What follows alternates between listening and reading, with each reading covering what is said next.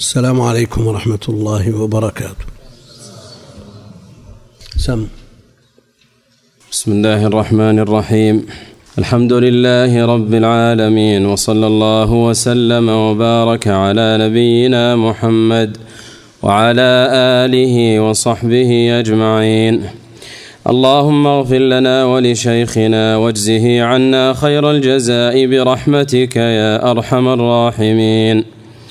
قال الإمام المجدد رحمه الله تعالى باب من الشرك النذر لغير الله. وقول الله تعالى يوفون بالنذر. وقوله وما أنفقتم من نفقة أو نذرتم من نذر فإن الله يعلمه. وفي الصحيح عن عائشة رضي الله عنها أن رسول الله صلى الله عليه وسلم قال من نذر أن يطيع الله فليطعه ومن نذر أن يعصي الله فلا يعصه. فيه مسائل الأولى وجوب الوفاء بالنذر. الثانية إذا ثبت كونه عبادة لله فصرفه إلى غيره شرك. الثالثة أن نذر المعصية لا يجوز الوفاء به. الحمد لله رب العالمين صلى الله وسلم وبارك على عبده ورسوله نبينا محمد وعلى آله وصحبه أجمعين. أما بعد فيقول المؤلف رحمه الله تعالى باب من الشرك النذر لغير الله. باب من الشرك النذر لغير الله. العبادات وأنواع العبادة التي هي اسم جامع لكل ما يحبه الله ويرضاه من الأقوال والأعمال الظاهرة والباطنة. وهذا وهذه العبادة التي من أجلها خلق الله الجن والإنس. وما خلقت الجن والإنس إلا ليعبدون. فالهدف من خلق الإنس والجن تحقيق العبودية لله جل وعلا. بعض الكتبة وبعض المثقفين يكتبون ويقررون أن الهدف من خلق الناس هو عمارة الأرض. عمارة الأرض لأن الله جل وعلا استعمرنا فيها. استعمر قال واستعمركم فيها. يعني طلب منكم عمارتها السين والتاء للطلب. نعم طلب منا عمارة الأرض. لكن ليست هي الهدف بل هي وسيلة لتحقيق الهدف الذي هو تحقيق العبودية لله جل وعلا. وما خلقت الجن والإنس إلا ليعبدون. هذا هو الهدف. وهذا هو الغاية من خلق الجن والإنس. واحد سأل قبل يومين أو ثلاثة هنا في المسجد قال لماذا قدم الجن على الإنس؟ وما خلقت الجن والإنس إلا ليعبدون. نعم. الجن قدموا لهم ما يرون ما يرون والإنس قدمهم أخرهم عشان يرون. نعم. الجن خلقت قبل الإنس. يعني خلق الجن متقدم على خلق الإنس. نعم في شيء بس.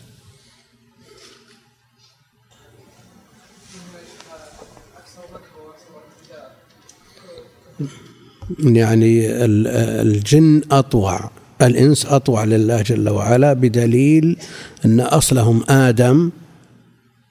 نعم. خير من أصل الجن الذي هو إبليس. فهؤلاء متمردون على الطاعة والعبادة.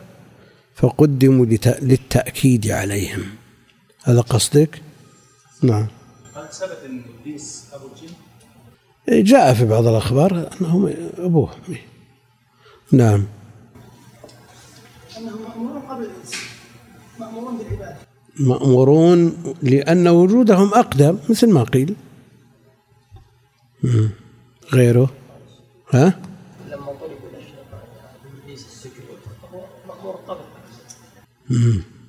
على كل حال نعم. لا تقتضي ترتيب لكن التقديم في الذكر له نصيب في الأولوية. قالوا الأولية لها دخل في الأولوية. ولذا لما رقي النبي عليه الصلاة والسلام على الصفاء قال أبدأ بما بدأ الله به. أبدأ بما بدأ الله به إن الصفا والمروة من شعائر الله.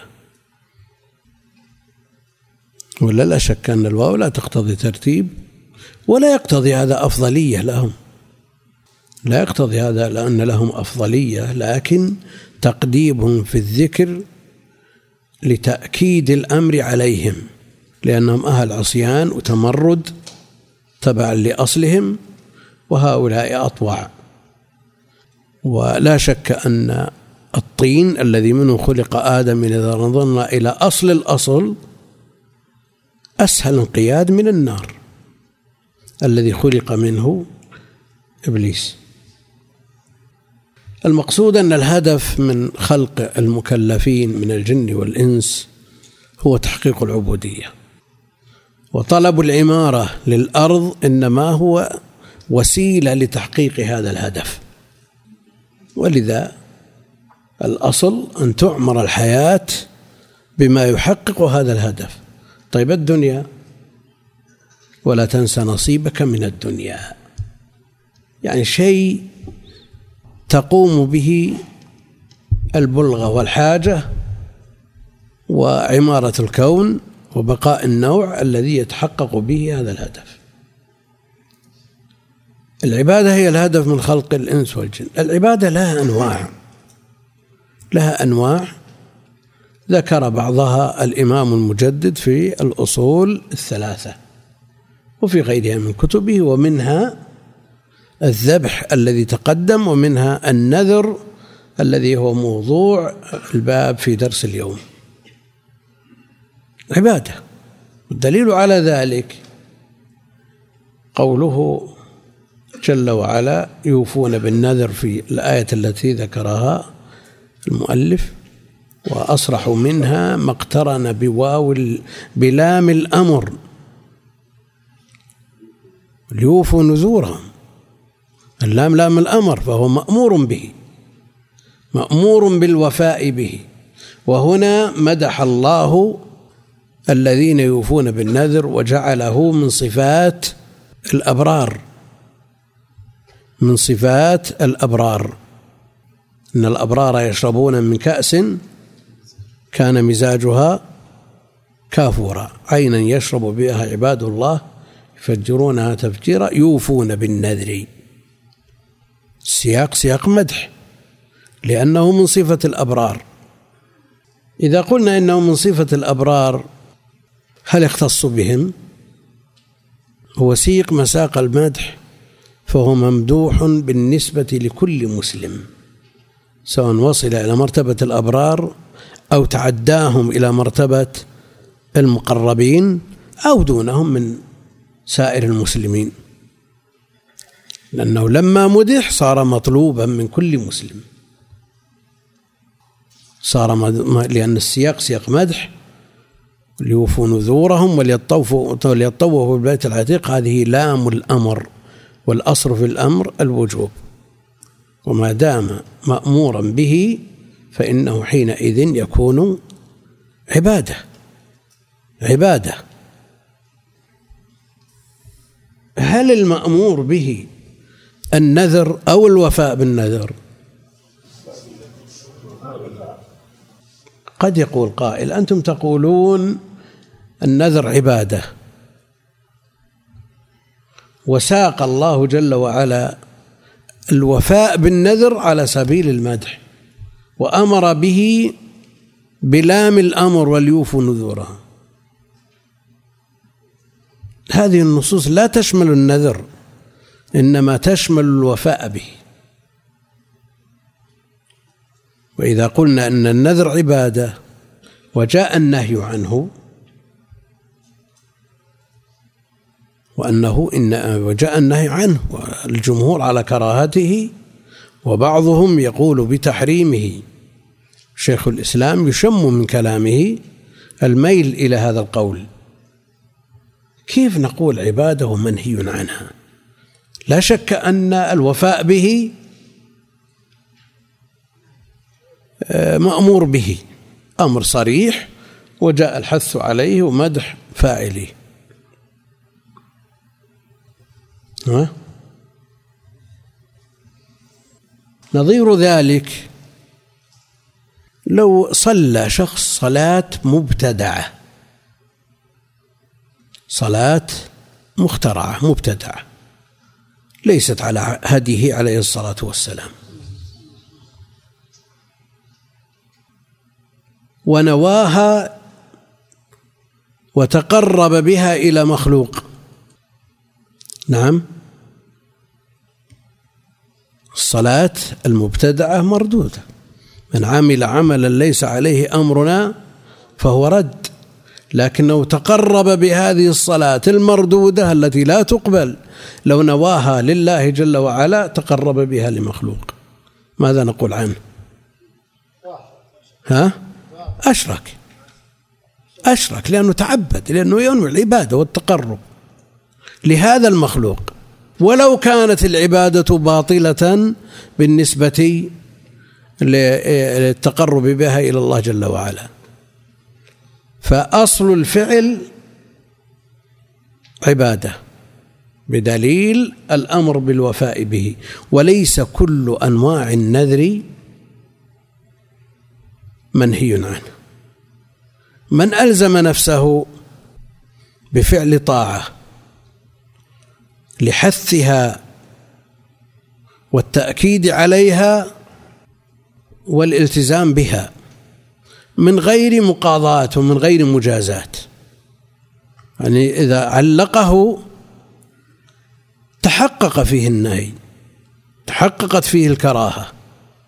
إن شفى الله مريضي صمت ثلاثة أيام. إن قدم غائبي تصدقت بمئة ريال.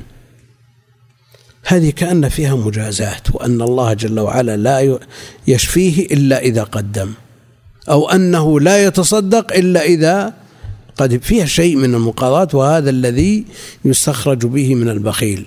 ولذا لو قال شخص لله علي أن أصوم من دون نظر إلى آه، مجازات أو مقاضاة قالوا هذا تأكيد للعبادة فهو عبادة.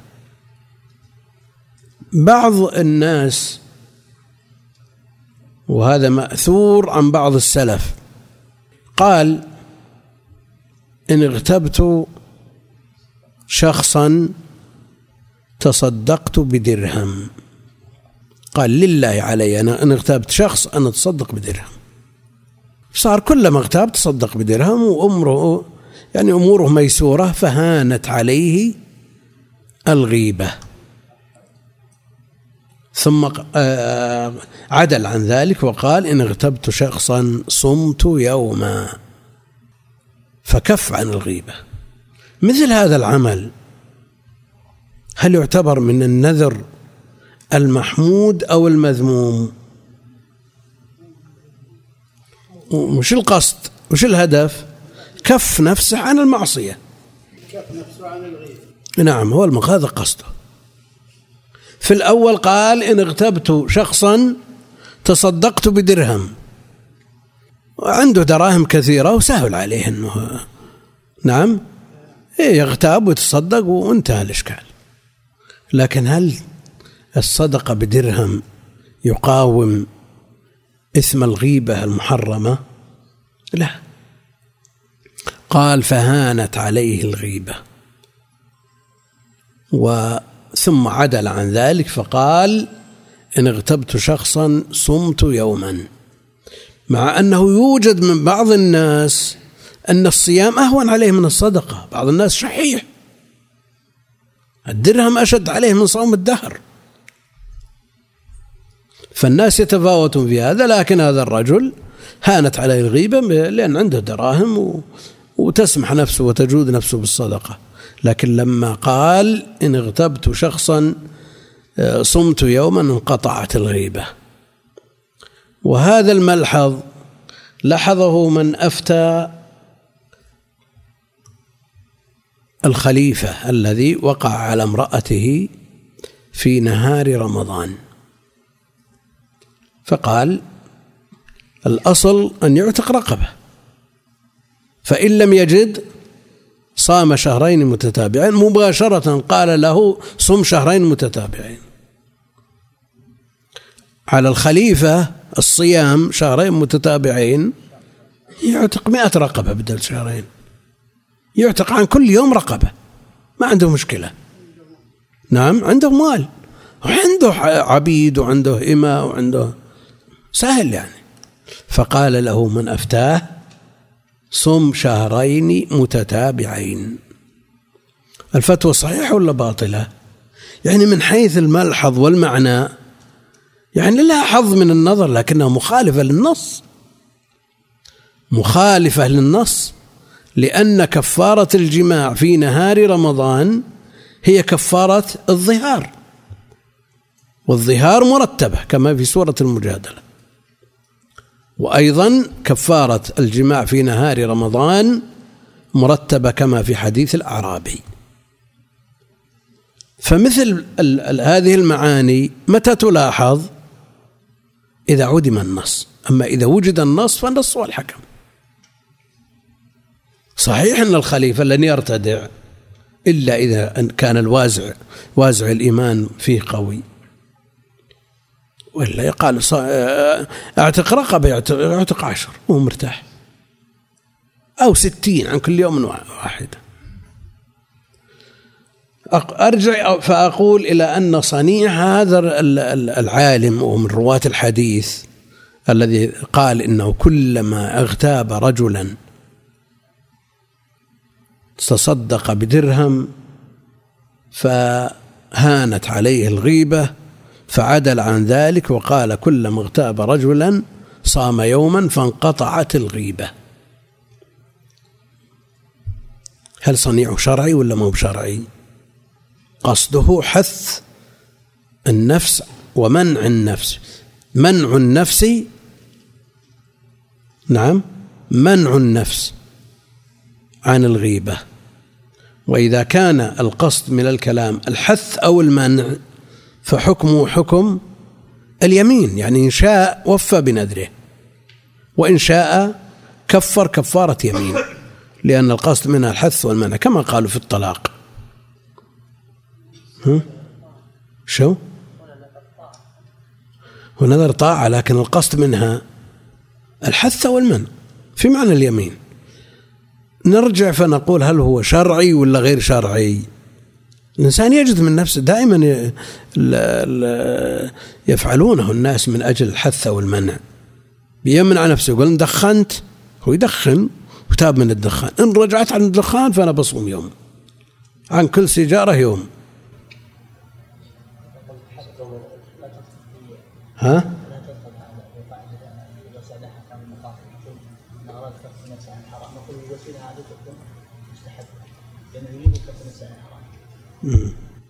لكن كما قيل كما قال لو كان خيرا لسبقونا إليه. هل فعله الرسول عليه الصلاة والسلام أو فعله صحابته؟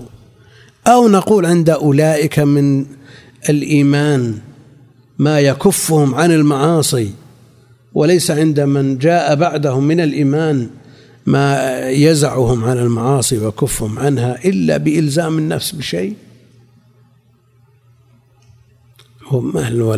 واضح من قصده أنه يريد الخير بلا شك. لكن هل إرادة الخير مجردة عن الاتباع ممدوحة ولا مذمومة؟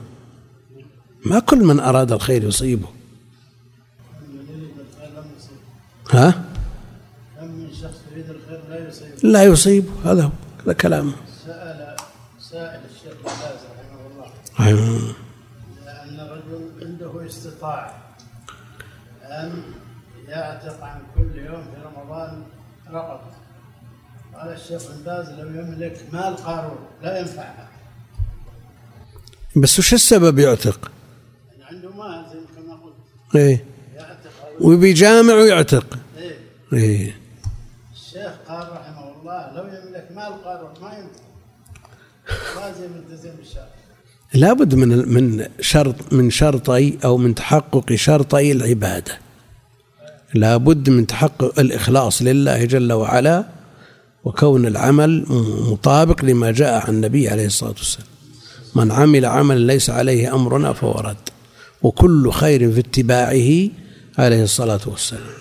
لكن هناك اجتهادات والأمور بمقاصدها والله لا يضيع أجر من أحسن عملا. ومع ذلك يبقى أن الاتباع هو الأصل نعم شو؟ دخل في حيز البدع هذا هم؟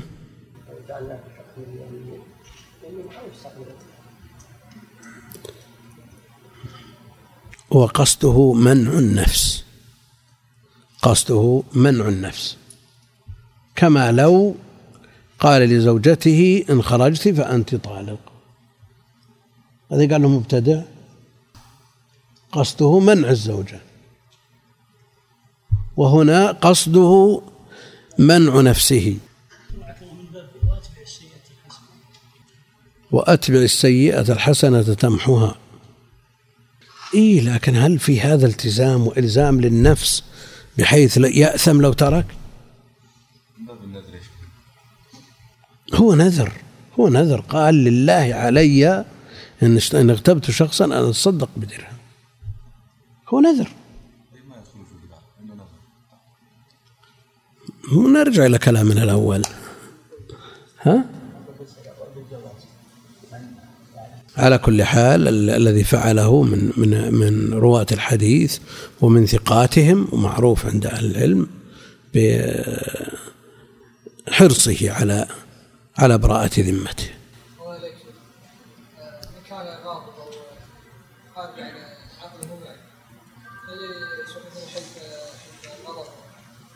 في أقسام النذر ما سيأتي فيما سيأتي من كلام الفقهاء نذر اللجاج والغضب. بيجي إن شاء الله. عسى أن يكون في وقت. الآن لما يذكر الله جل وعلا صفات الأبرار وفي المسلمين في عموم المسلمين طبقة فوقهم وهم المقربون وطبقات دونهم من آه، من أصناف المسلمين. ولذا يقولون حسنات الأبرار سيئات المقربين فالمقربون طبقة عليا يليهم الأبرار ثم يليهم من دونهم من الطبقات كما ذكر ذلك ابن القيم في طريق الهجرتين. في طريق الهجرتين. وابن القيم رحمه الله ذكر رسم المنهج والجدول الذي يمشي عليه المقربون ثم ذكر طريقة الأبرار في حياتهم من صلاة الفجر إلى قيامه من نومه من الليلة التالية. فهو جدول مرسوم يستفيد منه طالب العلم في طريق الهجرتين إذا أراد أن يتشبه بالمقربين أو يتشبه بالأبرار. يقول هل من الممكن تحديد يوم للرد على الأسئلة أو تحديد وقت بعد صلاة العشاء في أي يوم من أيام الدورة للرد على الفتاوى؟ إن شاء الله يحصل ذلك.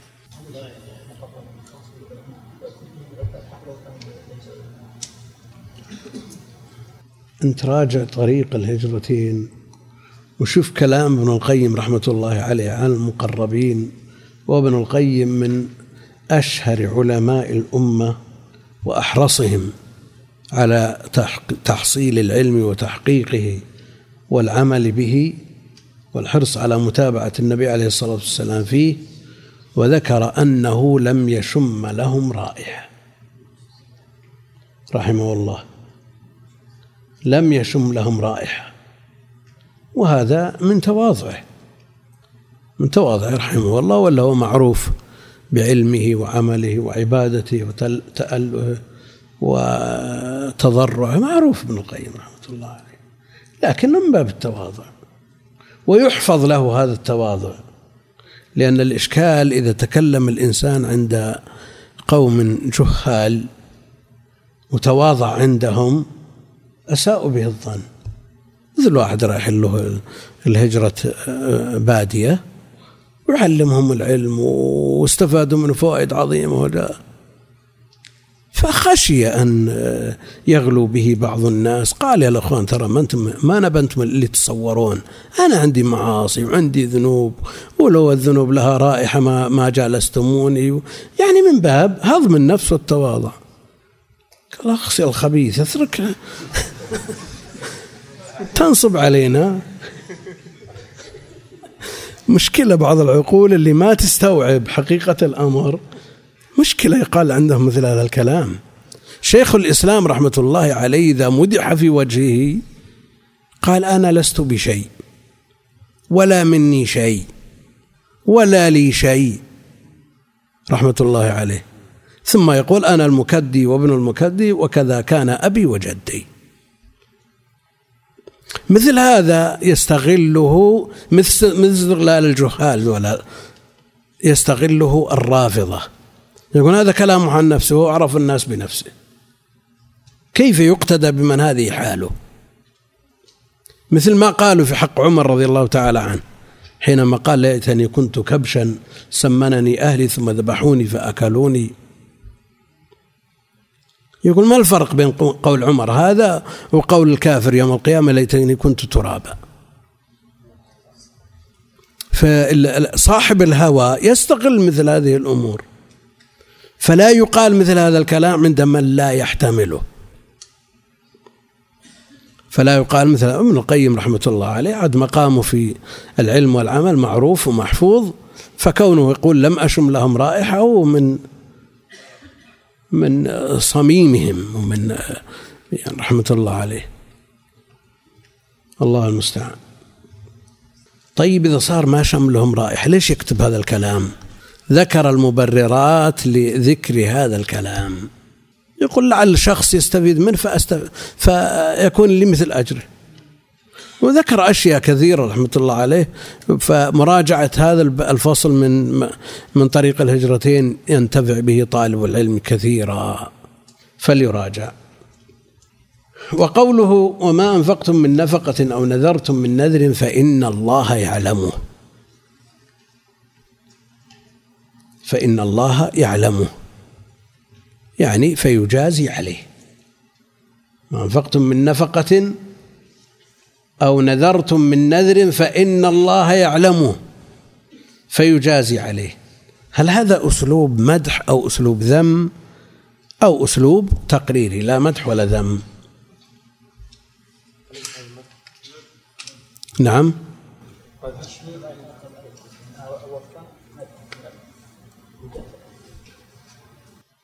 الشيخ يسوق الآية على أنها في مدح النذر. نعم. في مدح النذر. وإذا مدح في الشرع صار عبادة. هذا ما يريد الشيخ تقريره. لكن هل الآية ما أنفقتم من نفقة نكر في سياق النفي؟ نذرتم من نذر أو والعطف على نية إيش؟ تكرار العامل. على نية تكرار ما أنفقتم من نفقة أو ما نذرتم من نذر فإن الله يعلمه فإنه حينئذ يكون نكر في سياق النفي فيعم. كل نفقة ويعم كل نذر. وإذا قلنا بهذا فإن من النفقات ما يمدح صاحبه ومنها ما يذم صاحبه. فسينفقونها ثم تكون عليهم حسرة. وكذلك النذر منه ما يمدح صاحبه ومنها ما منه ما يذم فالآية أعم من أن تكون في سياق المدح. لكن الممدوح منه عبادة. الممدوح من النفقة والممدوح من النذر عبادة بدليل عطف النذر على النفقة. المقصود أن الشيخ رحمة الله عليه حينما ذكر هذه الآية يريد أن يقرر أن النذر عبادة وإذا كان عبادة فإنه حينئذ لا يجوز صرفه لغير الله جل وعلا وإذا صرف لغير الله فإنه يكون شركا. من الشرك النذر لغير الله. نعم.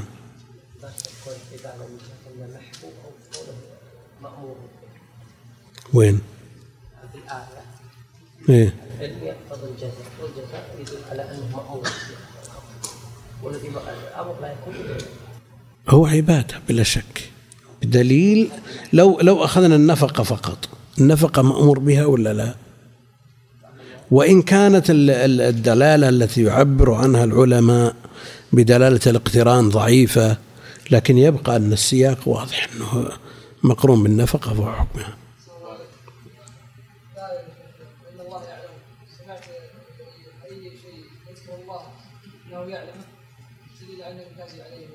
هو يجازي عليه لكن هل المجازات بالحسنات أو بالسيئات؟ على أنه حسنة وعلى أنه سيئة؟ قال ذكر بعضهم ان ان إن علمه جل وعلا يقتضي آه، المجازات وهذا واضح لكن هل المجازات على أنه عبادة أو على أنه مثل بعض النفقات؟ الآن عندك فلان زيد من الناس ينفق وفلان من الناس ينفق. ينفق هذا ملايين وهذا ملايين. لكن هذا ينفقها في وجوه الخير وهذا في وجوه أي أحيانا التبذير و... و... وإسراف وغير ذلك في المباحات وبعضهم في المحرمات.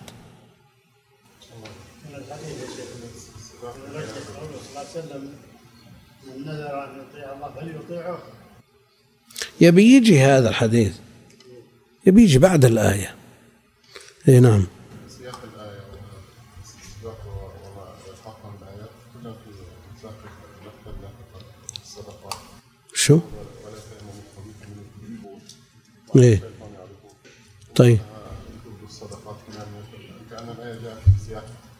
الصدقة ونقل الصدقة إيه. يعني سياق الآيات في النفقات المطلوبة وهي الصدقة. لأن مجرد العلم يقتضي المجازات والمجازات. كما تكون على الحسنات تكون أيضا على السيئات كما هو معلوم. لكن لا شك أنه إذا نظرنا إلى الآيات التي قبلها يدل على أنها في النفقات المحبوبة. قال رحمه الله وفي الصحيح عن عائشة رضي الله عنها أن رسول الله صلى الله عليه وسلم قال من نذر أن يطيع الله فليطعه. من نذر أن يطيع الله فليطيعه ومن نذر أن يعصي الله فلا يعصي. من نذر أن يطيع الله فليطعه ومن نذر أن يعصي الله فلا يعصي لا شك أن من نذر الطاعة المطلوبة بأصل الشرع وأكدها بنذره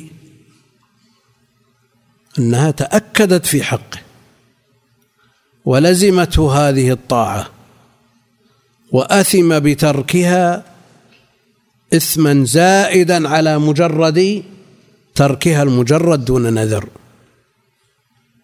إذا كانت من الواجبات الواجب إذا تركه أثم فإذا نذره زاد إثمه لو تركه. طيب المستحبات إذا نذرها وجبت عليه وجب عليه الوفاء بها لأنها طاعة. طيب من نذر أن يعصي الله فلا يعصي من نذر أن يعصي الله فلا يعصي. لا شك أن المعصية ممنوعة في الأصل بخطاب الشرع ثم إذا خالف هذا الخطاب بنذره فإنه فإن نذره وإن كان الأصل في في في الوفاء بالنذر أنه واجب لكن وجوب الوفاء بالنذر لا يقاوم الحكم الأصلي الذي هو معصية. ولذا قال من نذر أن يعصي الله فلا يعصي. وأنواع النذر ذكرها الفقهاء نقرأها في نهاية الدرس. قال رحمه الله فيه مسائل. نعم. إن عندنا طاعة وعندنا معصية. طيب المباح من نذر مباحا؟ ها؟ يخير بين فعله وبين كفارته لأن نذره لهذا المباح قصده حث نفسه على فعله أو تركه. نعم.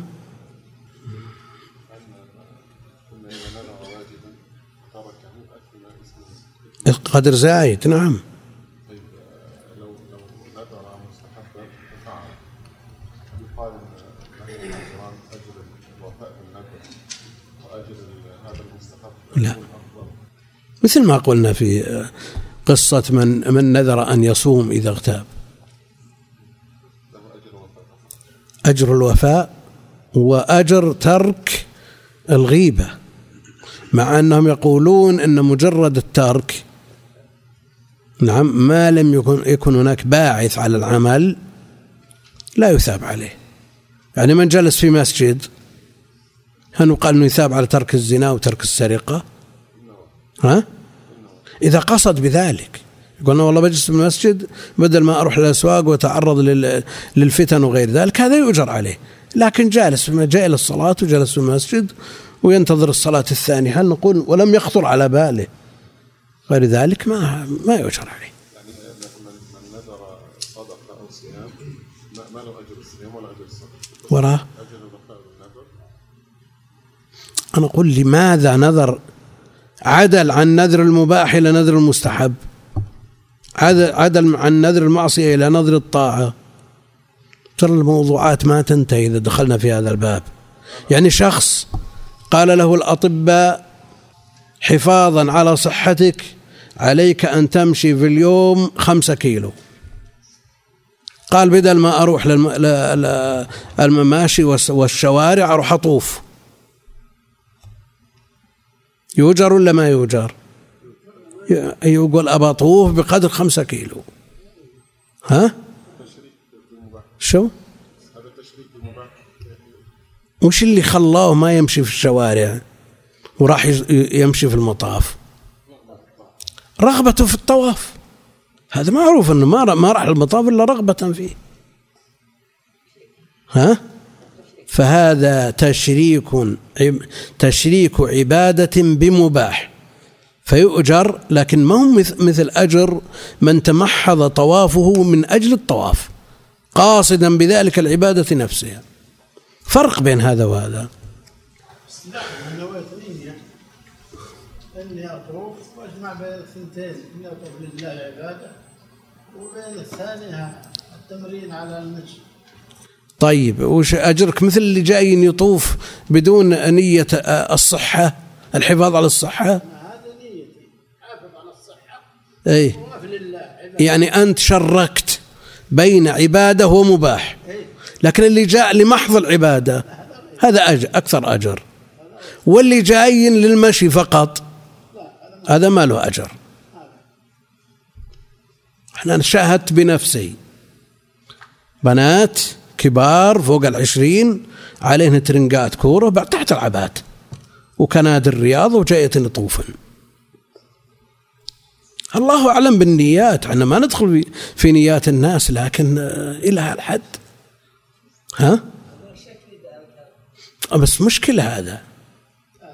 ما يعلم ما في القلوب إلا على يمكن من النوع اللي قال بدل ما نمشي في كذا وكذا نروح نطوف.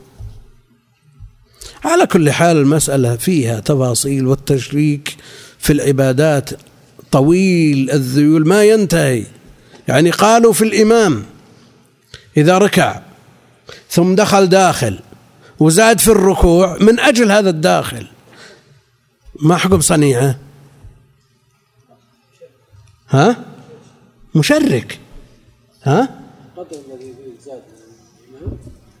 وش فيه؟ قدر اللي زاد. طيب من أول بدل ما يوم يسبح ثلاث سبح سبع علشان هذا يدرك وش حكم العمل هذا؟ ها؟ من أجل الإحسان على أخيه ولذلك قال الجمهور مثل هذا إذا لم يشق على المأمومين فهو مشروع. وقال المالكية هو تشريك مخل بالعبادة. لو زاد هذا القدر من الصلاة من أجل فلان. صار ينتظر شخص معين فقط ولا باقي ما عليهم منه لا لا لا ما يجوز ما يجوز. ما يجوز. ما فهمت اللي انت بي. فهمت. سم؟ يقول هذا الإمام ما ينتظر إلا شخص معين إما وزير ولا كبير ولا أمير واللي غيرهم ما يهمونه يركع يرفع ما عليهم. أو ينتظر والده يصلي مع الجماعة وسمع قرع نعاله وقال انتظره. ولا ينتظر بقية المؤمن هذا قصد السائل.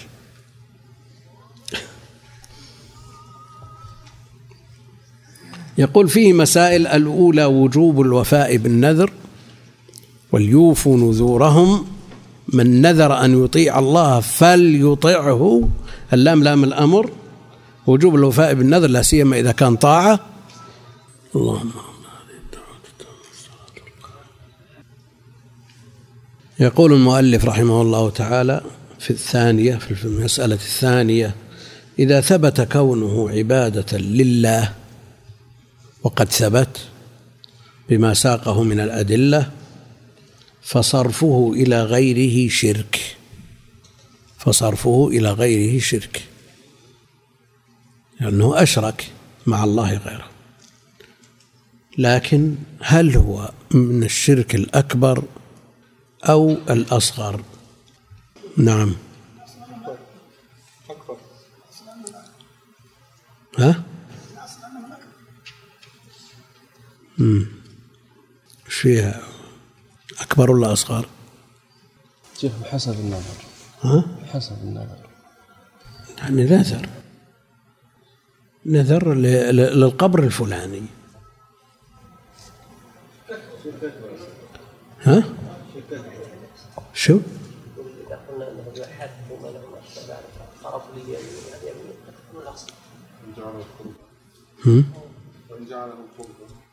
إذا تقرب به لمخلوق هذا لا شك أنه أكبر.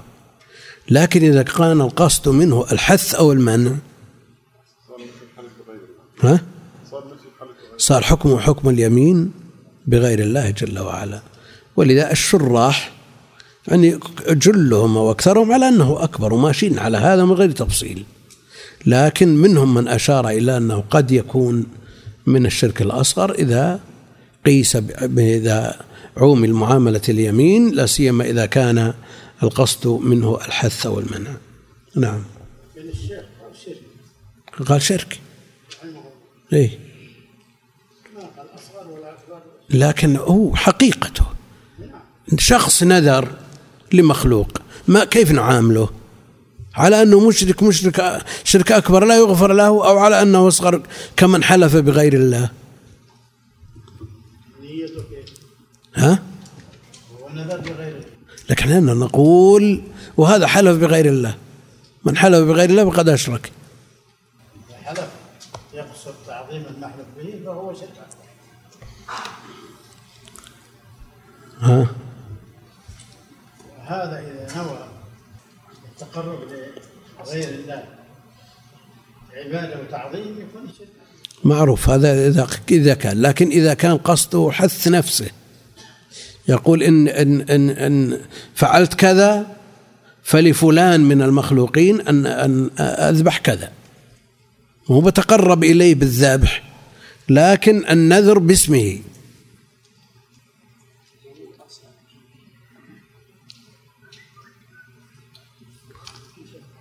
هم؟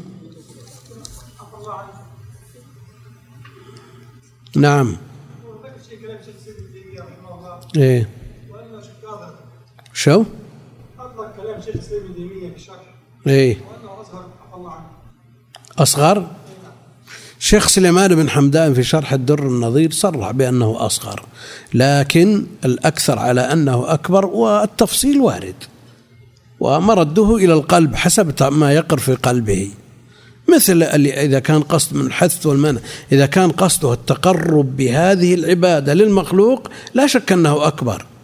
لكن إذا كان قصده حث نفسه أو منعه أو منع نفسه قال أنه يعامل معاملة اليمين يعني كيف يقول يا شيخ شو؟ كيف يقول إن آه، إن فاتتني صلاة العصر ده فع ف إيش؟ شو الصيغة؟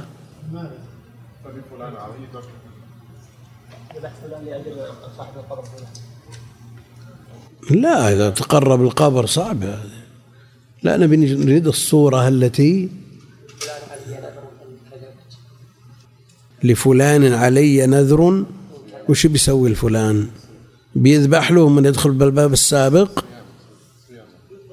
صيام له ولا لله؟ عند رجعنا إلى ما هو أشد. المقصود أن الأمر ليس بالسهل. وأمر الشرك داخل سواء كان أكبر أو أصغر في قوله جل وعلا إن الله لا يغفر أن يشرك به ويغفر ما دون ذلك لمن يشاء. فالشرك أمره عظيم وشأنه خطير سواء كان أكبر أو أصغر لكن الأكبر صاحبه مخلد في النار والأصغر آه، لا يخلد في النار لكن لا بد من أن يعذب. نعم. نجح ولده يذبح ذبيحه إيه. نجح ولده لكن في الأخير قال لا خلاص بالضبط. ولا فيها بكفاره شلون؟ نذر لله إن نجح ولده في الامتحان أن يذبح من نذر أن يطيع الله ولا تقطع.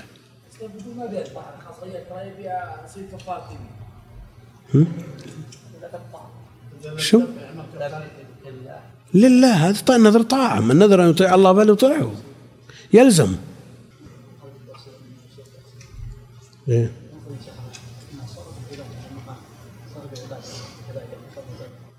هو الأصل وأكثر الشراح على أنه أكبر. لكن نبي نتعامل مع من قال إنه أصغر وأخونا ذاك شيخ الإسلام يقول أصغر. ها؟ هو إذا عومل معاملة اليمين فاليمين الأصل فيه أنه شرك أصغر. يقول شرك أصغر ما هو يفصل ما فصل أبدا فنحتاج أن نوجه مثل كلام أهل العلم لا سيما من أهل التحقيق ما يظن بهم شيء؟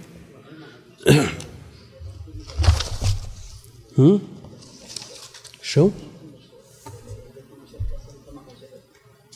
إيه هو إذا كان القصد الباعث عليه الحث والمانع معومل معاملة اليمين؟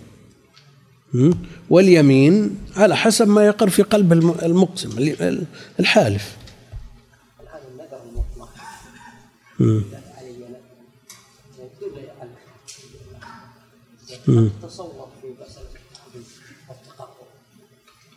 لزيد علي أن أكرمه إذا قدم من سفره. هذه الصورة. ها؟ هذا مجرد وعد. هذا مجرد وعد. إلا إذا أكد باليمين وكان في طاعة لزم الوفاء به. كما جاء ومنهم من عاهد الله لئن آتانا من فضله لنصدقن. شو؟ لا لزيد علي. الصيغة صيغة نذر. لكن إنه هو مجرد وعد ولا يدخل في النذر. هو مجرد وعد. له أن يخلفه. لكن لا يجوز أن أن ينوي الإخلاف مع عقد ال- ال- الكلام. لو لو قال هو ناوي أن يكرمه ثم بعد ذلك طرأ عليه ما طرأ ثم أخلف هذا الوعد كل ما عليه شيء لا. إذا ثبت كونه عبادة فصرفه إلى غير الله شرك. الثالثة أن نذر المعصية لا يجوز الوفاء به وهذا نص الحديث. من نذر أن يعصي الله فلا يعصي. نشوف أقسام النذر في الزاد وشر وشرحه. قالوا ذكروا فيه خمسة أنواع. ها؟ شوف.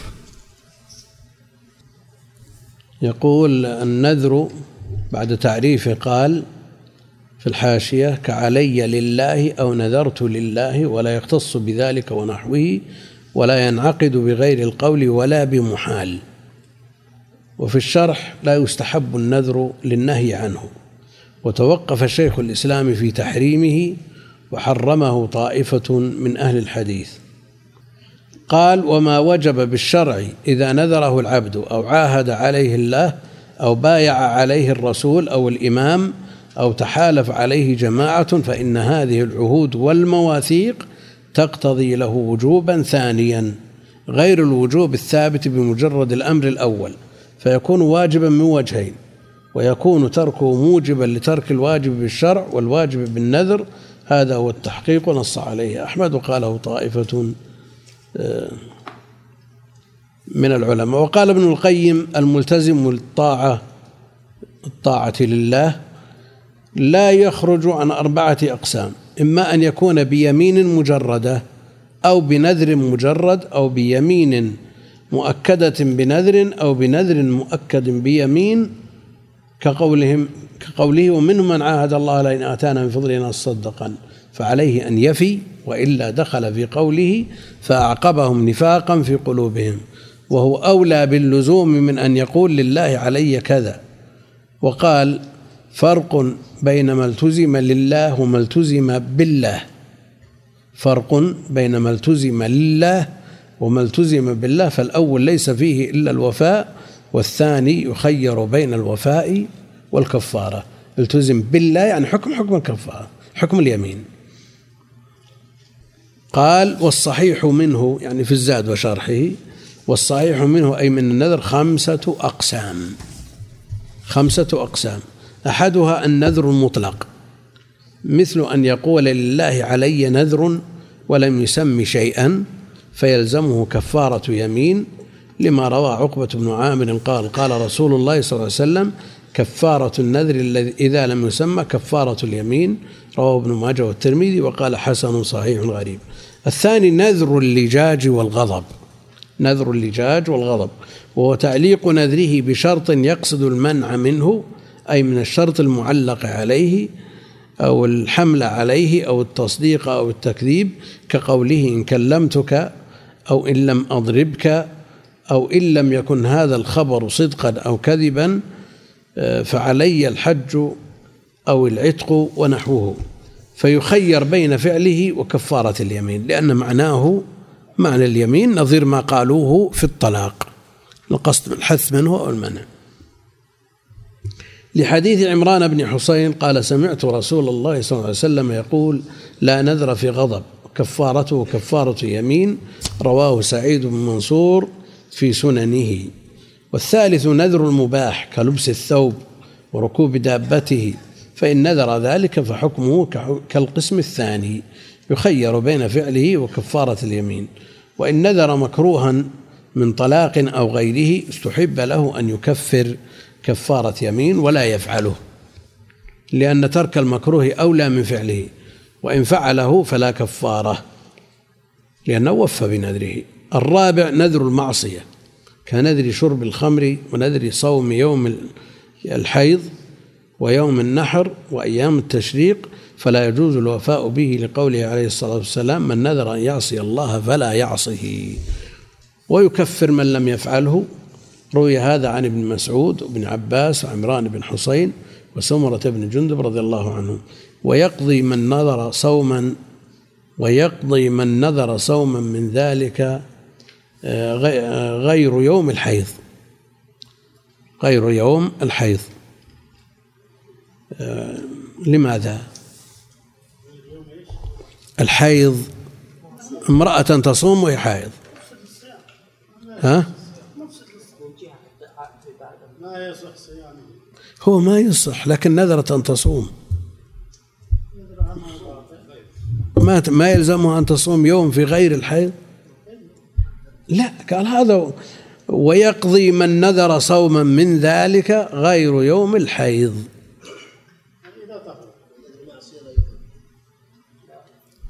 الآن نذر أن يصوم يوم النحر وأيام التشريق. لا يجوز الوفاء به لكن يقضي يصوم غير يوم النحر غير يوم التشريق. قال ويقضي من نذر صوما من ذلك كما لو نذر أن يصوم يوم العيد يصوم غير يوم العيد. لكن الحائض نذرت أن تصوم وهي حائض وقال لا تقضي.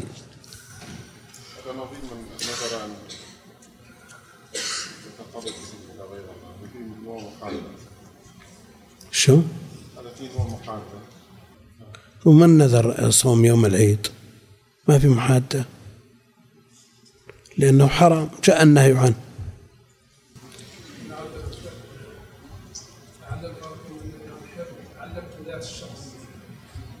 بذات الوصف. ها؟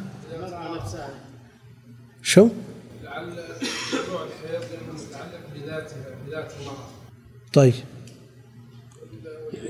معلق متعلق بغيرها. بوصف اليوم. لا بوصفها هي. قال لانعقاد نذره يوم الحيض فتصح القربة ويلغى التعيين لكونه معصية.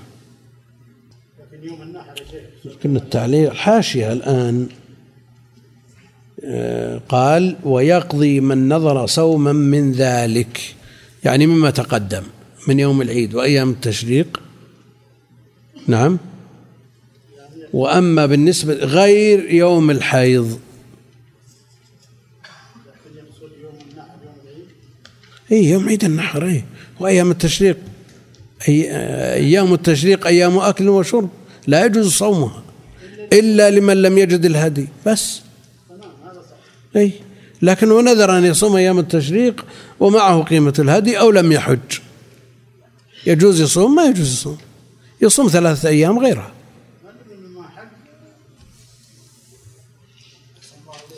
ها؟ أيام التشريق أيام أكل وشرب. يعني ما حج ما يصوم مثل الحاج. هي لكن نذر أن يصوم هذه الثلاثة الأيام والأربعة وجب عليه يوفيها بغير اليوم قال ويقضي من نذر صوما من ذلك غير يوم الحيض. ما دام يبي يصوم غير الأيام الأربعة يوم العيد وأيام التشريق لماذا لا تقضي الحائض صيام أن هذا النذر في غير الحيض؟ مثلهم. لماذا فرق؟ هو قال لأن الوصف في نظر يوم العيد وأيام التشريق غير متعلق بها ونذر صوم اليوم الحيض متعلق بذاتها. مو هذا كلامك؟ شوفوا شو يقول الشاعر المحشي. ها؟ ها؟ قلب الصورة هي. آه، لانعقاد نذره يوم الحيض. ولهم نذره نذرها. نذرها هي. إيه. هو يقول لانعقاد نذره يوم الحيض فتصح القربة ويلغى التعيين لكونه معصية. هذا عكس. لا لا لا كان يعني لو كان الرقم على ويقضي من نذر صوما من ذلك صحيح. يصح التعليق. أما تعليقه بيوم الحيض ويفرق الشارع يفرق بين يوم الحيض ويوم العيد.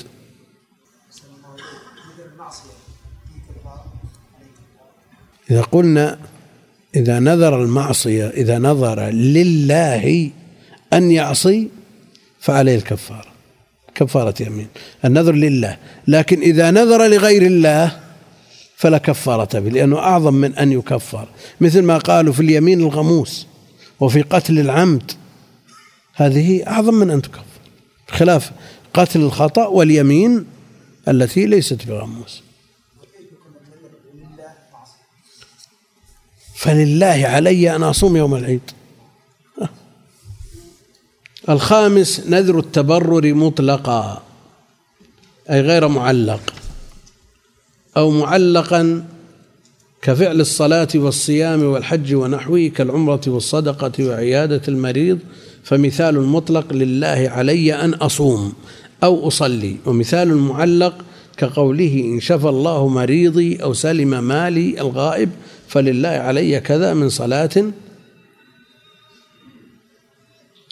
أو صوم أو نحوه. فوجد الشرط لزم الوفاء به أي بنذره لحديث من نذر أن يطيع الله فليطيعه. رواه البخاري. إلا إذا نذر الصدقة بماله كل إلا إذا نذر الصدقة بماله كله من يسن له فيجزئه قدر ثلثه ولا كفارة. من يسن له؟ شلون من يسن له؟ نذر بماله كله من يسن له. يقول لعله احترز بقوله من يسن له عمن لا يسن له ذلك يعني أي من يسن له الصدقة مطلق الصدقة لكن بعضهم لا يسن له المدين. لا تسن له الصدقة أصلا. المدين لا يسن له. يعني شخص يقف أمام الناس ويسألهم يعطى مئة ريال ثم يمر بواحد يسأل يعطيه منها عشرة. يجوز؟ ها؟ هو لما أخذ الصدقة القدر الزائد عن حاجته يجوز يأخذ؟ ها؟ ما هي مسألة يعني عاطفة. هذا أخذ أكثر من حاجته. يعني يكفيه خمسين ريال فأخذ مئة. يجوز ولا ما يجوز؟ ما يجوز. يقول هذا القدر الزائد أخذت خمسين زائدة أتصدق بعشرة. شيخ الإسلام يقول الصدقة بالقدر اليسير لا تؤثر في مثل هذا. لا تؤثر في مثل هذا وكل له نصيبه من الأجر. حتى المدين لو تصدق بشيء يسير لا يقبله الدائن لو أعطاه إياه. يجوز ولا ما يجوز؟ نعم. مدين ملايين. ثم جاء واحد يشحذ المسجد وأعطاه 100 ريال. لو أخذت هذه المئة ورحت بالدائن يقبل؟ ما يقبل. مثل هذا لا يؤثر المال الذي لا يؤثر في وليس بشيء في نظر الدائن ما له أثر؟ ها؟ خلينا نشوف باقي شيء. إلا إذا نذر الصدقة بماله كله فيجزئه قدر ثلثه ولا كفارة. ولا كفارة. طيب عمر بن عبد العزيز ما ترك شيء لورثته. وابو بكر رضي الله تعالى عنه تصدق بجميع ماله. أبو بكر متسبب وعوضه في وقت يسير لكن عمر بن عبد العزيز ما ترك لهم شيء. وقال رضي الله رحمه الله لما لامه بعض معارفه ومحبيه من عن التصدق بجميع أمواله وإخراجه من من من آه، قبضته قال الورثة بين شخصين. إما تقي هذا لن يضيعه الله. وأما فاسق فلن أعينه على فسقه. فلن أعينه على فسقه. لكن هل هذا أفضل أو الأفضل ما قاله النبي عليه الصلاة والسلام لسعد؟ إنك إن تذر ورثتك أغنياء خير من أن تذرهم عالة يتكففون الناس. لا شك أن الناس يتفاوتون في اليقين. بعض الناس إذا إذا إذا تصدق بجميع ماله وجلس في المجالس بدأ يتحسر أنا تورطت أنا غلطت أنا ما أدري إيش هذا لا يتصدق. إلا بقدر الواجب ويا الله. مثل آه بعض الناس يترك العلاج أو حتى يترك الرقية. وإذا جلس المجالس أنا متوكل على الله أنا ما أعالج ولا أروح المستشفيات ولا أروح. نقول روح المستشفيات أحسن لك من من هالكلام. نعم. إذا وفى بنذره قبل حصول المعلق عليه. نعم. إذا وفى بنذره قبل حصول المعلق عليه. أو حلف على شيء فكفر عن يمينه قبل الحنث.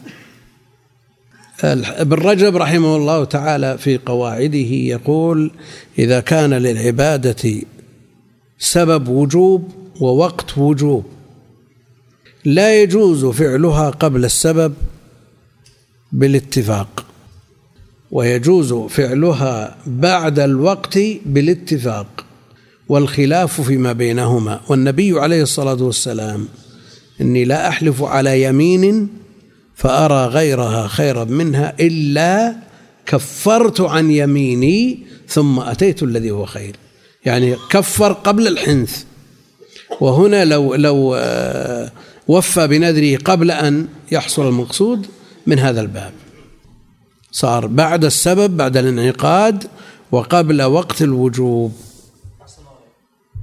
نعم في نذر الطاعة لو شعر ان هو أكثر أو ان هو يعجز عن النذر هل ممكن إذا عجز كفر كفارة يمين.